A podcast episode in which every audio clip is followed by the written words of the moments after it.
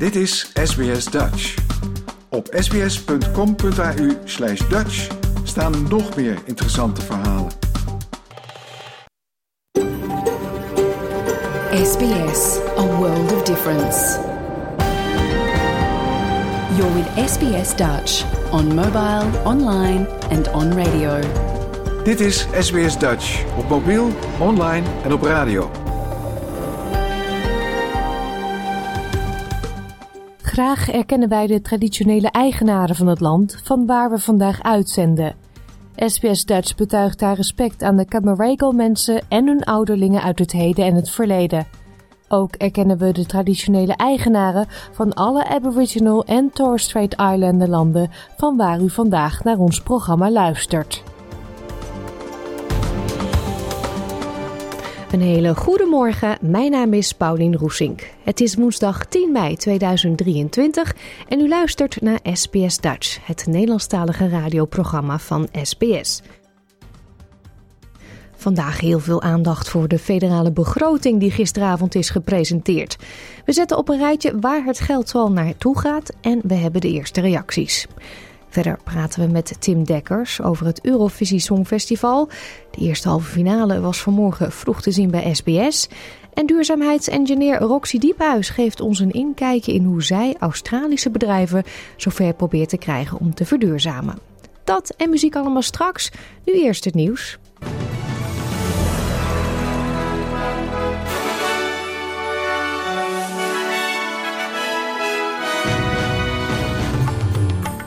Dit zijn de headlines van het SBS Dutch nieuwsbulletin van woensdag 10 mei. Meer details over de federale begroting. New South Wales hervormt huurwet en Albert Heijn bereikt akkoord met vakbonden.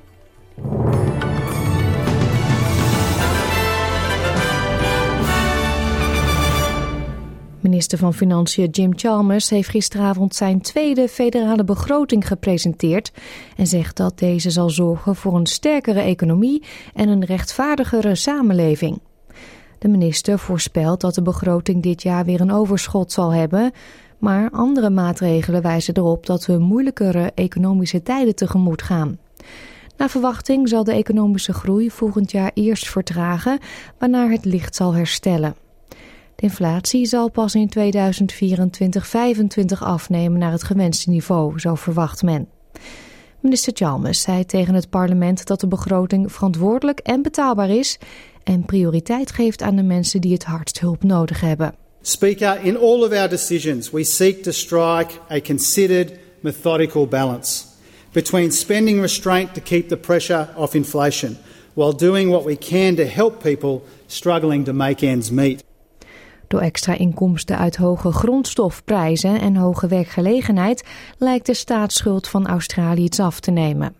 De minister zegt dat het terugbrengen van inkomsten naar de begroting betekent dat de schuld tegen het einde van de middellange termijn bijna 300 miljard dollar lager zal zijn, waardoor de komende 12 jaar 83 miljard dollar aan rentekosten wordt bespaard. Op het gebied van gezondheidszorg maakt de regering 3,5 miljard dollar vrij om het aanbod van bulkbeeldhuisartsen te vergroten, zodat meer mensen naar de huisarts kunnen zonder zelf bij te moeten betalen. Chalmers zegt dat de hervorming ervoor zal zorgen dat de kwaliteit van iemands gezondheidszorg wordt gegarandeerd door een Medicare-card, niet door een creditcard. Right now, too many are finding it more and more difficult to see a doctor. The costs are too high, the wait times are too long, and the consultation is often too short. Families are being forced into a lose lose choice between getting the help they need or paying their other bills. This robs parents of peace of mind and it puts families under strain. It means more problems go undiagnosed or untreated. And it means our workforce is not as healthy or productive as it could be and should be. And we want to change that. Op het gebied van milieu heeft de overheid aangekondigd twee nieuwe agentschappen op te richten ter bescherming van de Australische natuur. In de komende vier jaar is er in de begroting 121 miljoen dollar vrijgemaakt om de eerste nationale milieuwaakhond op te richten, genaamd Environment Protection Australia. Deze onafhankelijke instantie zal een nieuwe reeks wetten implementeren om de natuur te beschermen, ontwikkelingsprojecten te blokkeren of goedkeuren en voorwaarden te stellen en ervoor te zorgen dat ze worden nageleefd. De aankondiging komt na het vernietigende rapport van professor Graham Samuel, waaruit bleek dat de Australische milieuwetten falen, dat veel ecosystemen op het punt van instorten staan en er 1800 dieren- en plantensoorten bedreigd worden. Er wordt ook nog 51,5 miljoen dollar geïnvesteerd in een tweede agentschap, genaamd Environment Information Australia, die een belangrijke taak krijgt in natuurherstel. Verder maakt de begroting geld vrij voor een herziening van de nationale natuurwetten en voor het opzetten van een beloofd handelssysteem voor biodiversiteit. Tot slot trekt de regering 15 miljoen dollar uit voor het behoud en herstel van wereldwijd belangrijke wetlands en stroomgebieden en 48 miljoen dollar voor het voortdurende beheer van werelderfgoedlocaties. Defensie dan. Het leger kan rekenen op een extra 64,1 miljoen dollar om achterstanden weg te werken. Zoals aanbevolen door de Royal Commission die onderzoek deed naar zelfmoord door veteranen. Defensie krijgt ook 2 miljoen dollar voor onder meer suicide intervention trainingsprogramma's. Bovendien is er voor de komende twee jaar meer dan 395 miljoen dollar gereserveerd voor een proefprogramma dat bonussen biedt van 50.000 dollar aan defensiepersoneel dat besluit langer in dienst te blijven. Verder wordt er in de komende 10 jaar 4,5 miljard dollar uitgegeven aan de AUKUS onderzeeërs en wordt er 4,2 miljard dollar uitgetrokken voor het opzetten van de Australian Submarine Agency, een nieuw orgaan dat deel zal vallen onder Defensie. Ook op het gebied van energie zijn er aankondigingen gedaan. Zo krijgen 5 miljoen huishoudens en 1 miljoen, 1 miljoen kleinbedrijven een tegemoetkoming in de energierekening. Deze regeling wordt gefinancierd samen met de staten en territoria van Australië. Degenen die in aanmerking komen voor de regeling zijn onder meer gepensioneerden, veteranen, senioren en andere concessiekaarthouders, evenals ontvangers van bijvoorbeeld zorgtoeslag. Huishoudens in New South Wales en Queensland ontvangen 500 dollar en kleinbedrijven kunnen een korting krijgen van 650 dollar. In Victoria krijgen huishoudens een jaarlijkse korting van 250 dollar op de energierekening, naast de al bestaande energiebesparende bonus van 250 dollar, die zal worden voortgezet. Volgens minister van Financiën Jim Chalmers is de wereldwijde investeringslandschap voor hernieuwbare energie en koolstofarme productie veranderd met aanzienlijk internationaal beleid, waardoor er 4 miljard dollar meer moet worden geïnvesteerd om de transitie van Australië te beschermen. Ander nieuws dan. New South Wales zal naar verwachting vandaag een nieuw wetsvoorstel indienen om de regels rond verhuur te hervormen. Sydney-Siders betalen momenteel recordbedragen voor huurhuizen. Het wetsvoorstel lijkt een einde te maken aan geheime biedingen en er zou een nieuw borgsysteem komen waardoor de druk op huurders wordt verlicht. Het ligt maas in de wet waardoor makelaars kunnen, kunnen verzoeken een bod te doen op een huurwoning wat de prijs opdrijft. Ook zouden makelaars niet langer biedingen mogen accepteren op geadverteerde woningen zonder andere potentiële huurders hiervan op de hoogte te stellen. Daarnaast werkt de regering aan het aanstellen van een huurcommissie die onder meer zal opkomen voor de rechten van huurders. Volgens staatspremier Chris Minns is het de bedoeling om een eerlijker huursysteem te creëren. Meer dan 30% van de inwoners van New South Wales huurt momenteel. En uit cijfers blijkt dat de huren in Sydney de afgelopen 12 maanden met ruim 13% zijn gestegen. De Amerikaanse oud-president Trump heeft columniste E. Jean Carroll seksueel misbruikt. De jury acht hem ook juridisch aansprakelijk voor smaad aan haar adres en moet haar 5 miljoen dollar betalen. Carroll claimde dat ze in 1996 door Trump is verkracht, maar die aanklacht werd door de jury verworpen. Eerder deed Trump de aantijgingen van de auteur af als belachelijk. Hij stelde dat er helemaal geen misbruik heeft plaatsgevonden. Daarmee heeft hij haar reputatie beschadigd, vindt de jury. Donald Trump weigerde het proces bij te wonen en reageerde onmiddellijk op sociale media. Hij noemde het vonnis een schande en de grootste heksenjacht aller tijden. In Nederland heeft Albert Heijn een akkoord gesloten met de vakbonden FNV en CNV over een nieuw CAO. De werknemers van distributiecentra krijgen er 10% salaris bij, is de bedoeling. Er werd tot vorige week donderdag door zo'n 1500 medewerkers gestaakt bij vijf van de zes distributiecentra. Hierdoor waren in winkels van Albert Heijn lege schappen en liep de supermarkt zo'n 35 tot 45 miljoen euro mis. Albert Heijn wilde eerder de toeslagen verlagen voor speciale werkdagen, zoals de zondag, maar daar ziet de supermarktketen nu dus vanaf. Leden van de bonden moeten nog wel instemmen met het plan. New South Wales minister van Sport Steve Camper zegt dat de deelstaatregering werkt aan strengere straffen voor geweld bij sportevenementen. Het is een reactie op de recente aanval op een voetbalscheidsrechter in West Sydney.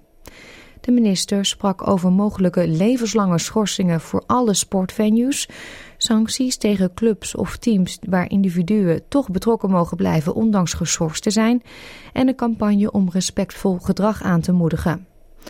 Bankstown District Amateur Football Association heeft bodycams geïntroduceerd voor scheidsrechters nadat bijna twee weken geleden een geschorste speler de scheidsrechter aanviel en hem een gebroken kaak sloeg.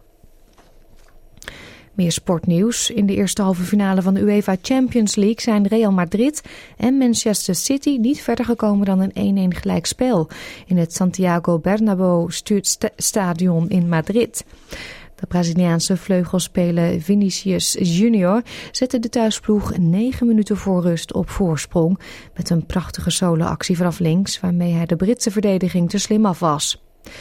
Manchester City bleef de druk op de Spaanse verdediging opvoeren, waardoor Kevin De Bruyne de gelijksmaker kon scoren.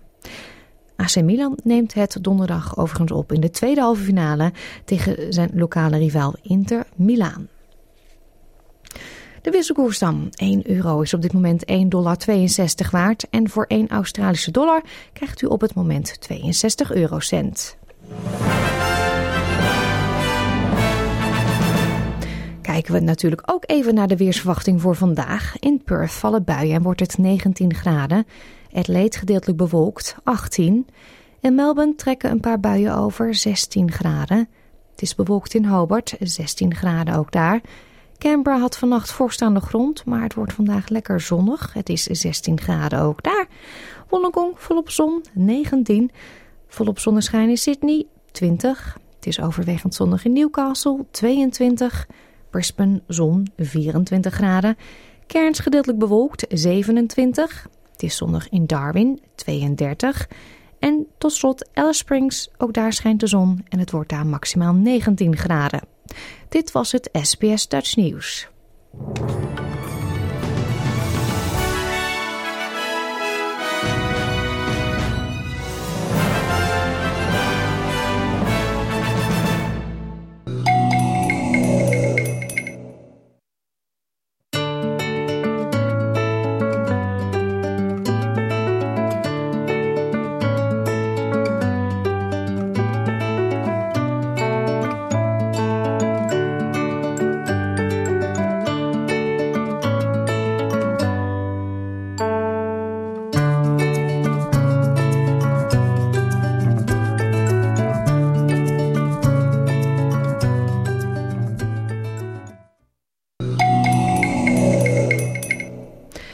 Een hele goede morgen en leuk dat u luistert naar SBS Dutch. Straks Songfestival nieuws en een gesprek over duurzaamheid in Australië. Maar eerst, u hoorde het zojuist al in het nieuws. Gisteravond heeft minister van Financiën Jim Chalmers de meibegroting gepresenteerd. En voor het eerst in 15 jaar heeft de regering een overschot van wel 4 miljard dollar. Zoals verwacht zijn de reacties op de begroting gemengd.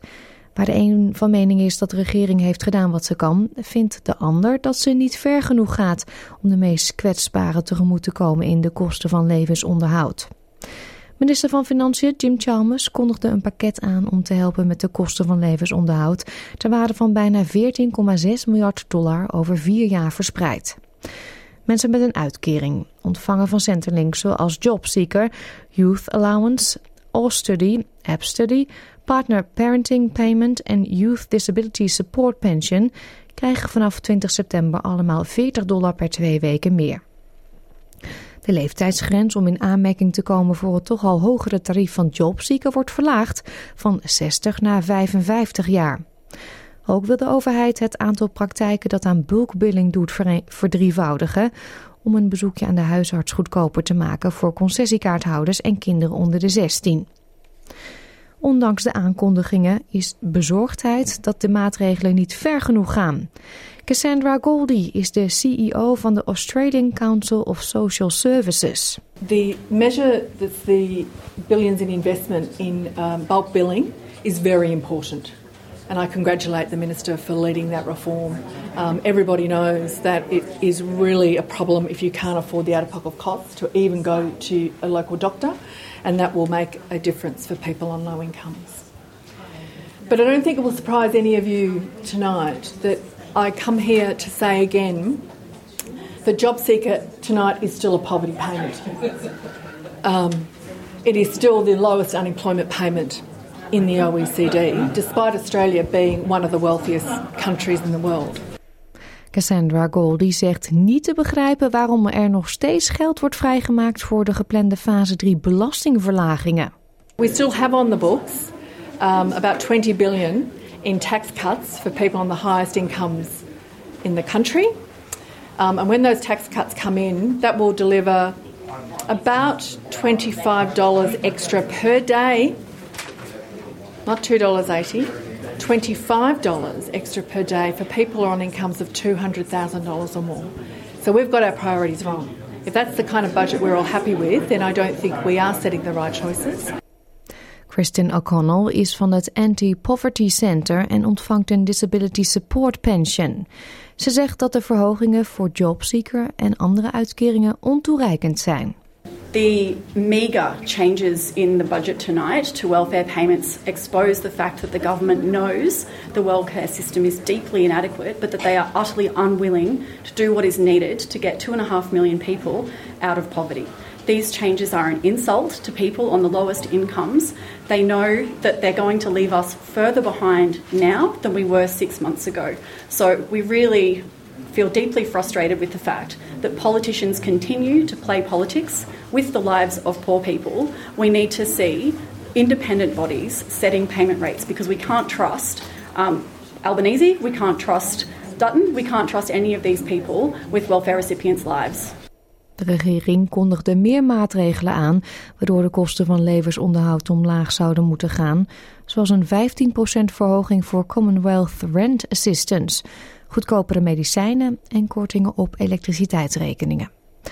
Mevrouw O'Connell zegt dat het extra geld geen wezenlijk verschil zal maken voor mensen die al in armoede leven. These are piecemeal changes coming in tiny, tiny figures, right? So an extra few dollars a week in my rent assistance payment isn't going to change the fact that I'm currently paying 83% of my DSP to live in a pretty substandard home. Um, so yes, it's true that if we provide other supports, the poverty line would go down, but they're not doing enough to actually change how much money is needed to get by.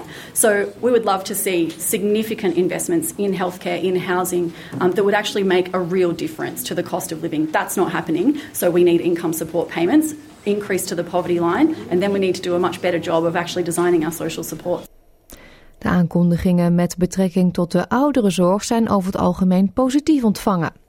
De landelijk directeur van Uniting Care Australia, Clarence Little, zegt dat de regering naar de sector heeft geluisterd en ingestemd heeft met een loonsverhoging van 15% voor in aanmerking komende ouderenzorgmedewerkers.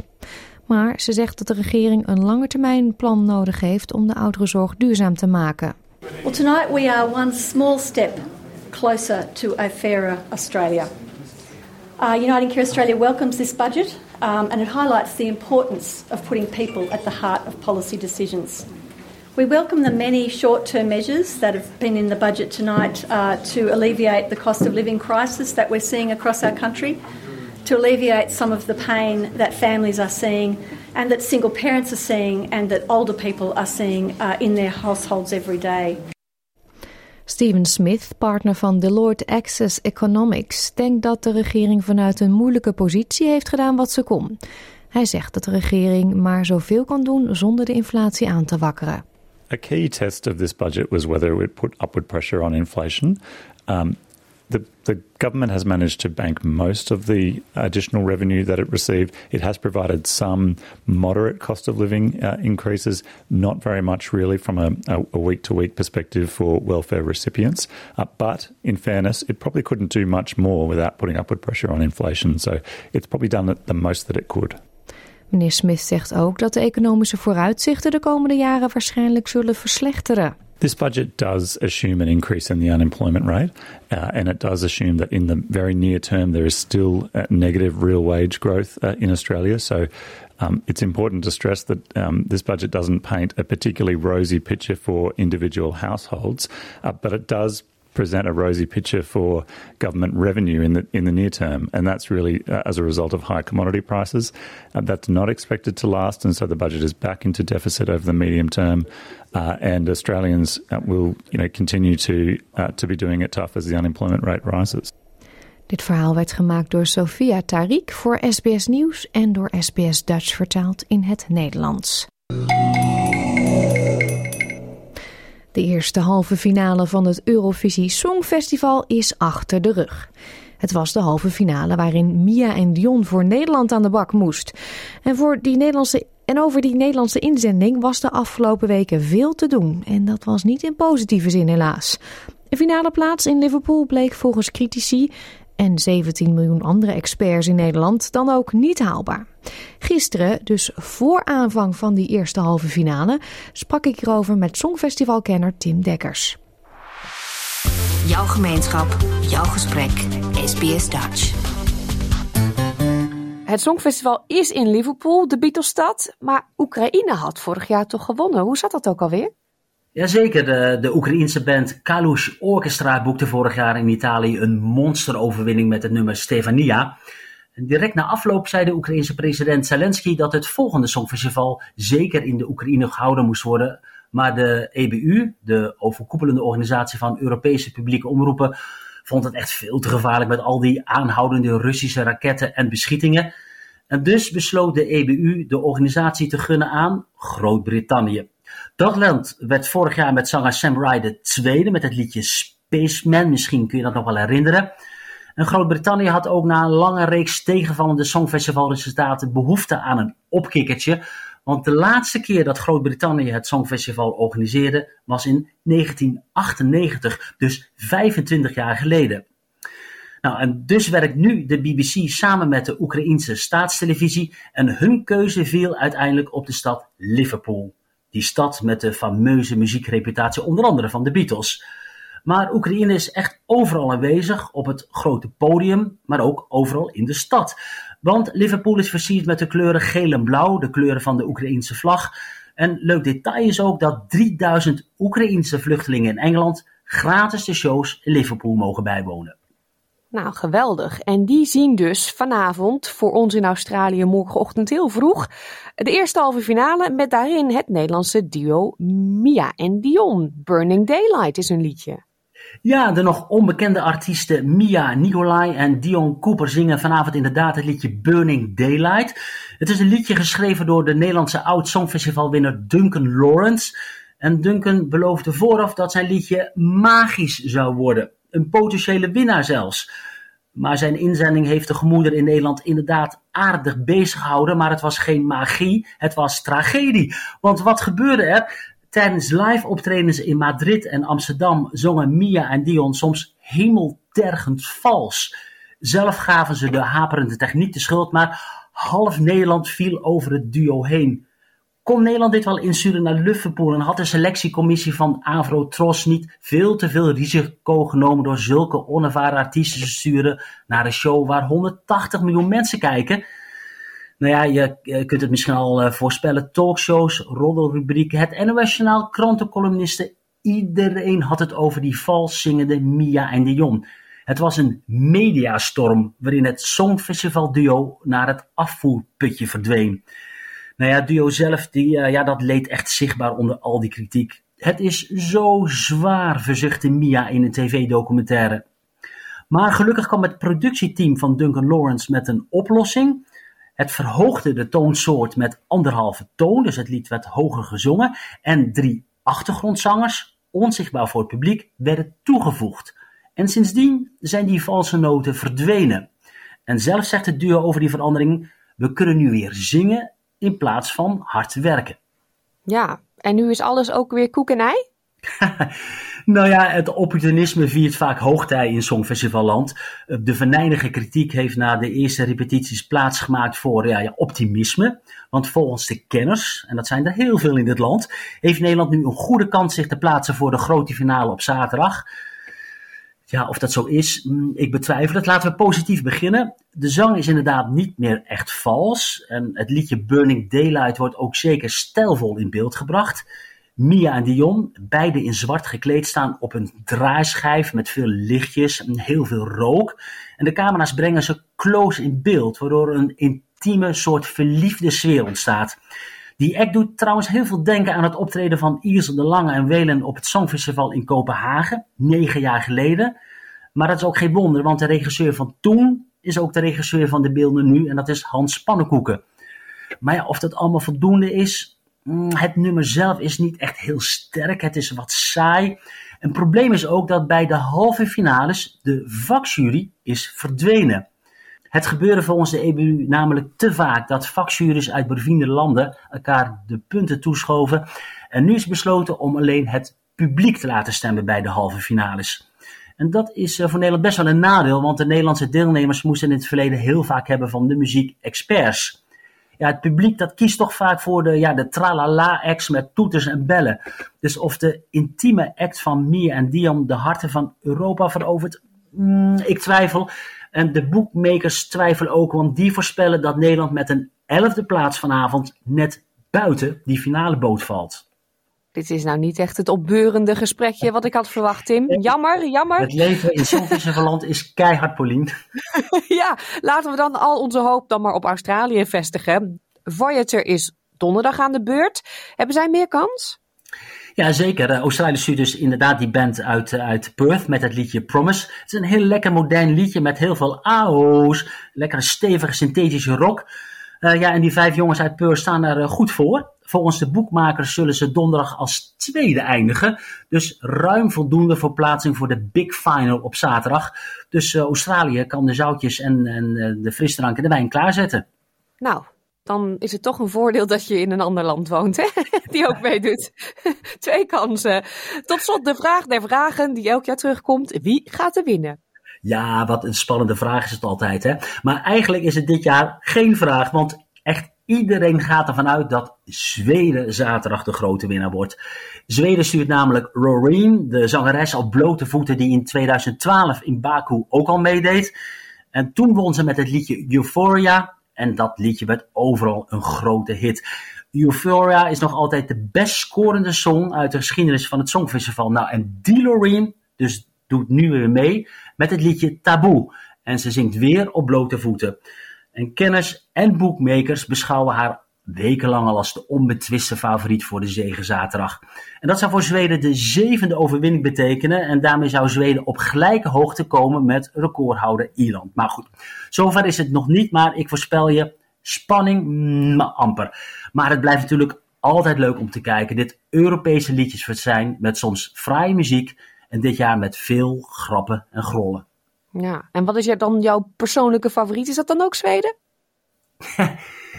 Zweden is een aardig nummer, zeker. Sterk gebracht. Um, ik ben wel gecharmeerd van de nummer twee bij de boekmakers op dit moment. Dat is Finland. Met een ja, heel opvallende popsong met de aanstekelijke tekst Cha Cha Cha. En ik voorspel je, um, daar gaat heel Europa uh, meezingen uh, komende, komende zaterdag als het in die finale staat. Dus ik zou zeggen, let ook op Finland. Dankjewel Tim. We gaan kijken. Ja, hij voorspelde het al. Tim, Nederland heeft niet genoeg punten gekregen van het publiek. En dus zijn we voor het eerst in acht jaar er weer eens niet bij in de finale.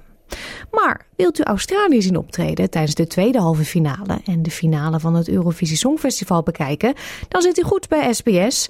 De uitzendingen worden zowel live als primetime uitgezonden op tv en SBS On Demand. Kijk voor een overzicht van dagen en tijden op onze website www.sbs.com.au Dutch. Soms lees je verhalen in het nieuws en valt je oog op een naam die wel eens Nederlands zou kunnen zijn, of zie je een foto bij een artikel van iemand die er eigenlijk best wel Nederlands uitziet. Vraag me niet waarom.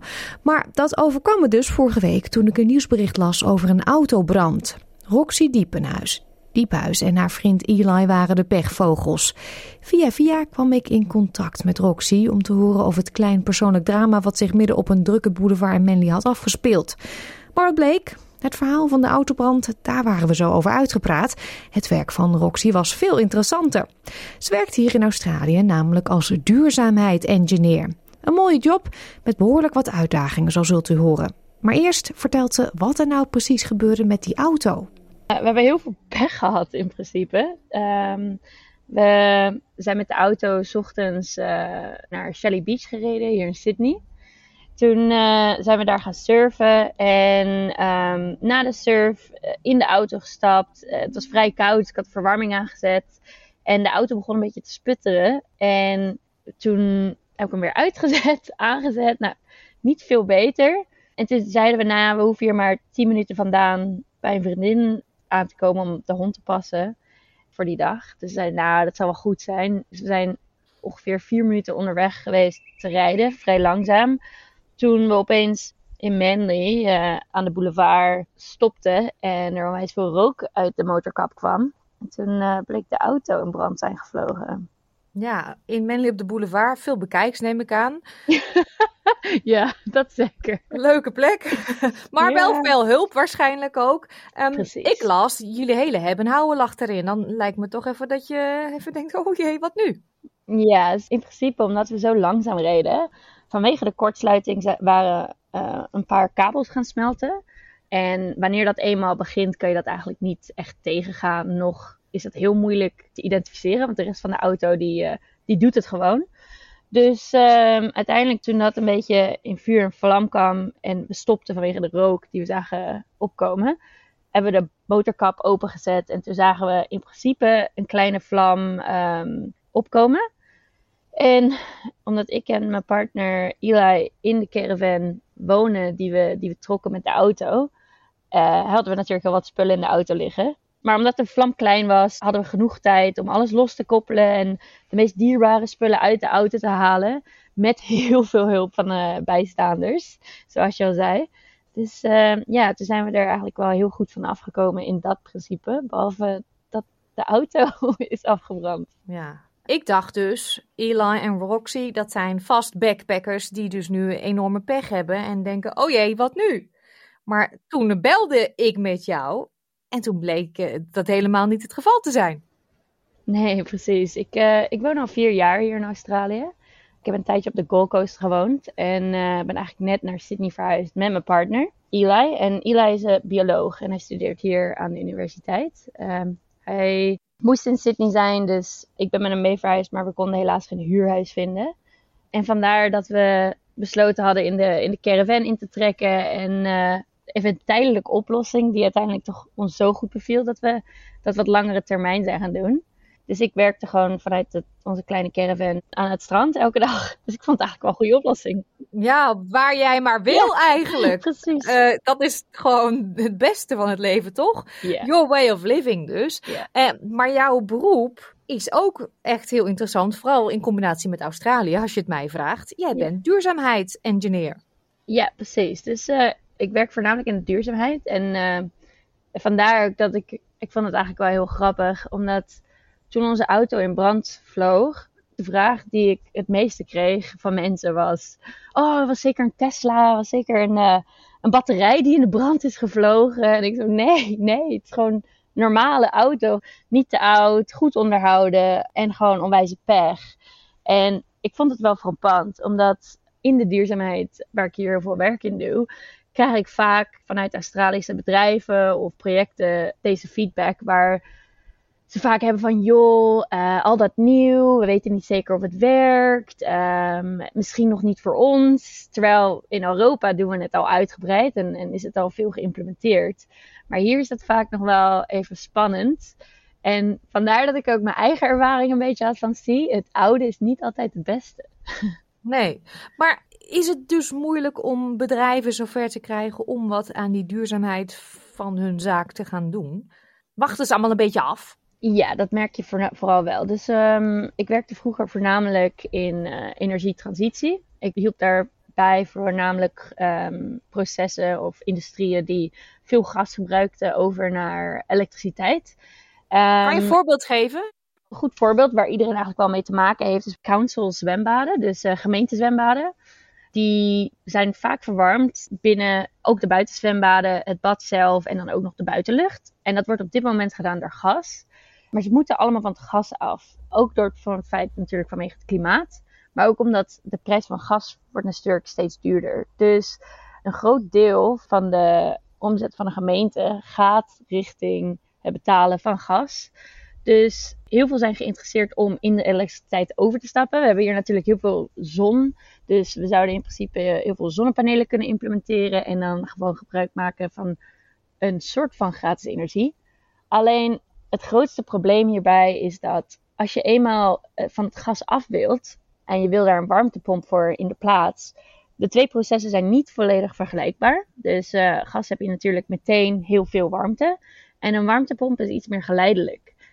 Dus het groot probleem als je die oplossingen met elkaar gaat vergelijken, krijg ga je dan nog een stapje verder en dan zie je dat het gebouw zelf helemaal niet geïsoleerd is.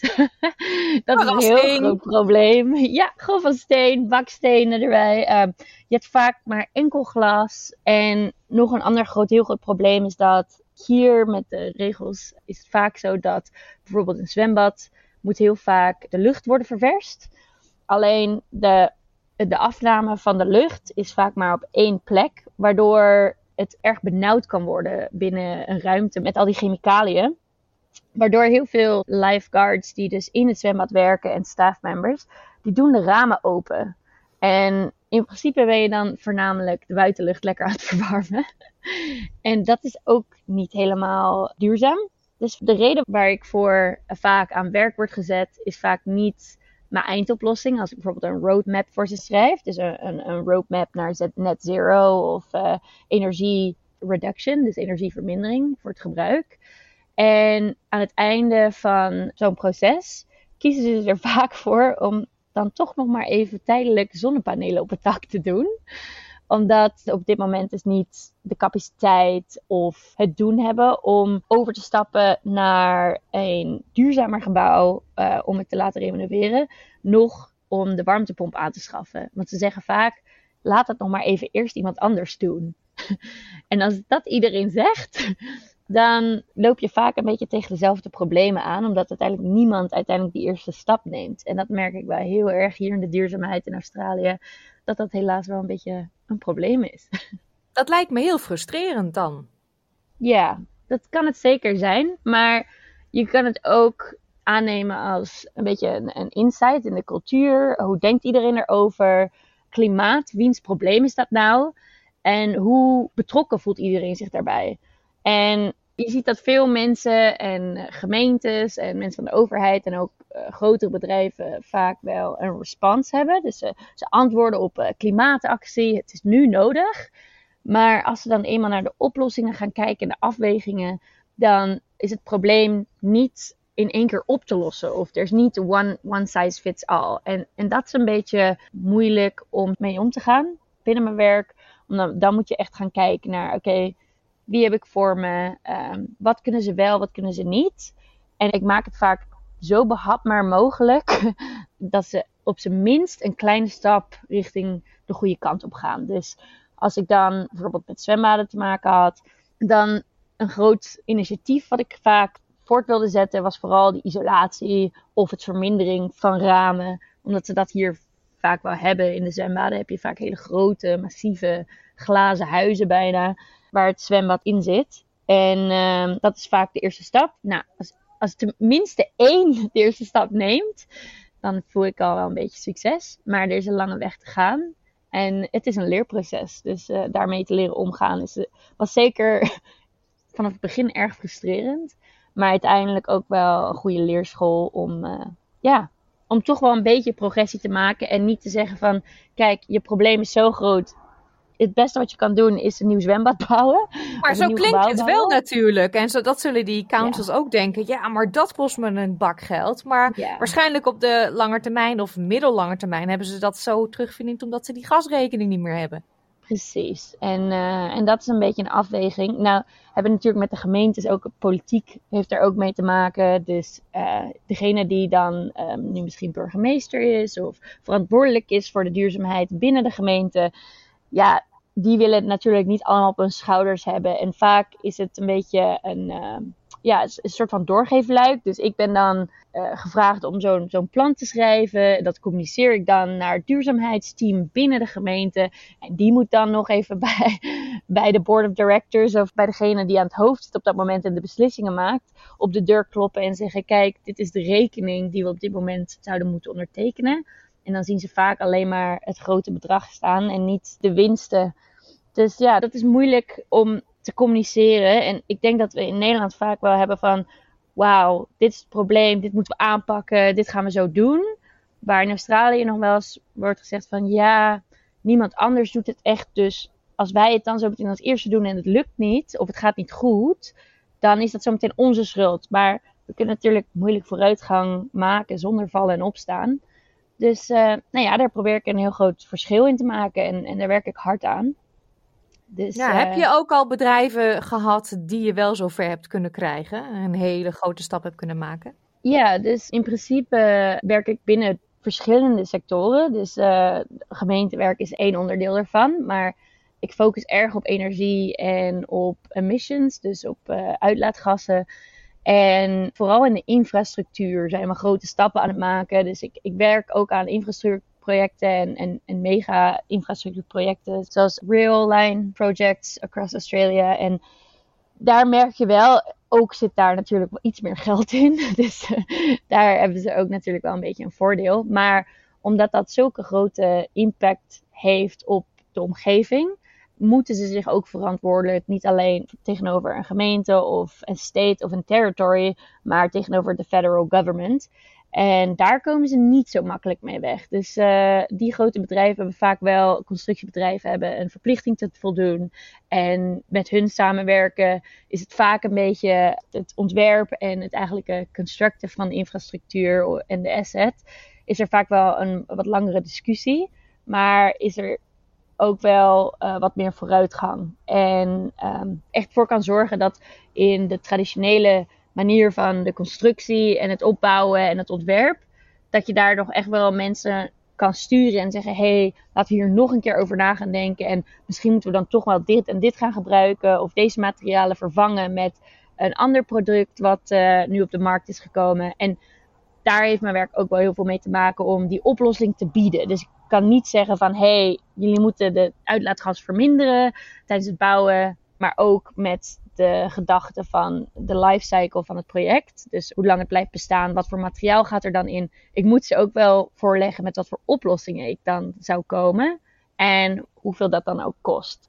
Reuze interessant en lijkt me ook gewoon helemaal geweldig als het dan lukt als je een bedrijf zover krijgt. Als jij nou in glazen bol kijkt, um, wat denk jij? Waar zijn wij over vijf of tien jaar? Of ben ik dan veel te optimistisch ook nog? Dat kan ook. Wanneer gaan de grote bedrijven die eerste stappen maken, denk jij? Nou, ik denk dat een heel groot uh, onderdeel daarvan is ook het, het, weten van what's out there. Dus wat is beschikbaar. En ik denk dat er voornamelijk een groot valstuk is het weten van. Dus als je altijd iets op een bepaalde manier hebt gedaan, is het soms ook wel eens moeilijk om uit jezelf te zeggen: Nou, ik ga even onderzoek doen om te kijken hoe het, hoe het misschien beter kan en waarom dat beter kan. Dus, um, de kennis is er niet. Uh, ja, of de noodzaak wordt niet gevoeld door iedereen. We weten allemaal dat klimaat ons probleem is. Maar als je toch wel naar jezelf kijkt, hebben mensen vaak te zeggen: Ja, maar die keer dat ik met de auto naar de supermarkt rijd, dat maakt het verschil niet. Nou, dat maakt misschien niet één keer, maar als je dat in 30 jaar doet, dan maakt dat zeker een verschil. Dus ik denk dat die mindset vooral heel erg uh, moet worden aangepakt in Australië. En ik denk dat de, een groot onderdeel daarvan is de negatieve messaging die mensen associëren met klimaatverandering en wat wij kunnen doen, die moet veranderen. Het moet een positieve bijdrage zijn. Het moet leuk zijn om aan het klimaat te werken. Mensen moeten gemotiveerd worden en te zeggen van... Kijk, wat jij vandaag doet, dat maakt morgen een verschil. En dat is echt onwijs gaaf, goed, goed te doen. En niet overal moet een prijskaartje aan hangen. Dus ja, dat is een grote uh, verandering die we tegemoet staan. En die, die ook wel uh, zou kunnen moeten bijdragen. En ik probeer daar zelf ook heel hard aan te werken.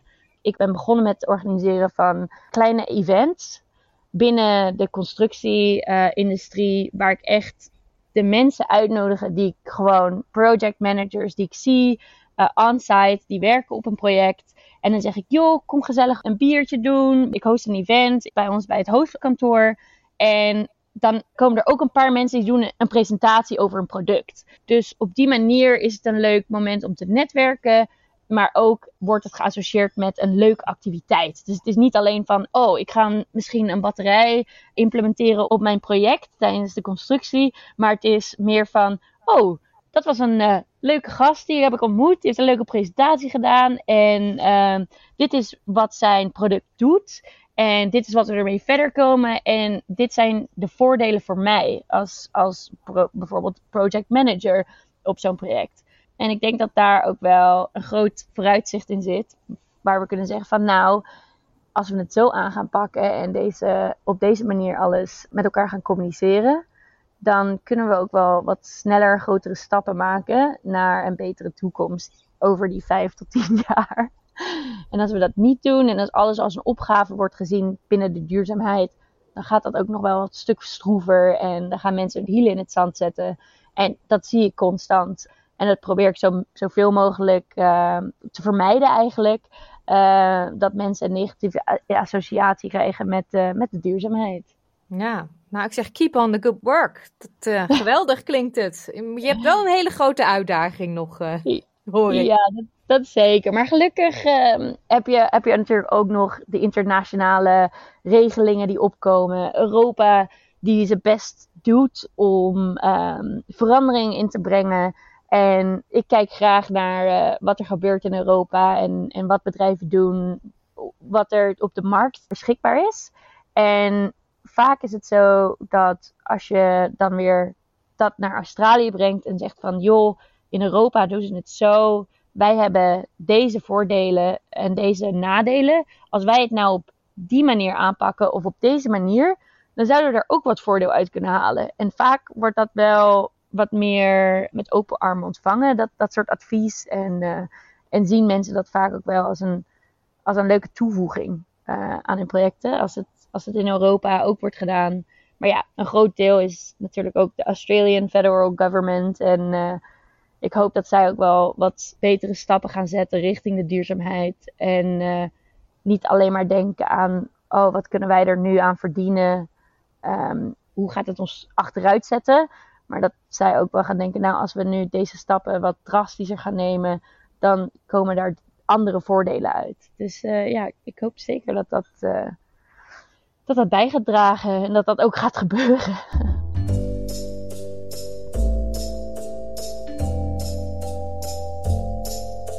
Nederland is misschien niet zo groot qua oppervlakte, toch is het land opgedeeld in een twaalftal provincies. En ook al zit er slechts 300 kilometer tussen het noorden en het zuiden van het land, het verschil tussen de provincies is groot. In de podcastserie De 12 provinciën leren we de Nederlandse provincies beter kennen. Dat doen we aan de hand van de verhalen en herinneringen van in Australië woonachtige Nederlanders ik woon er niet meer, maar ik, ja, het is altijd wel een goed gevoel om weer in Zeeland uh, te zijn. Een leuke middenstand met leuke winkeltjes. En toch wel mooie ruime stranden, wat je in de Randstad niet hebt. Ja, dat maakt mij wel uh, een trotse zeeuw.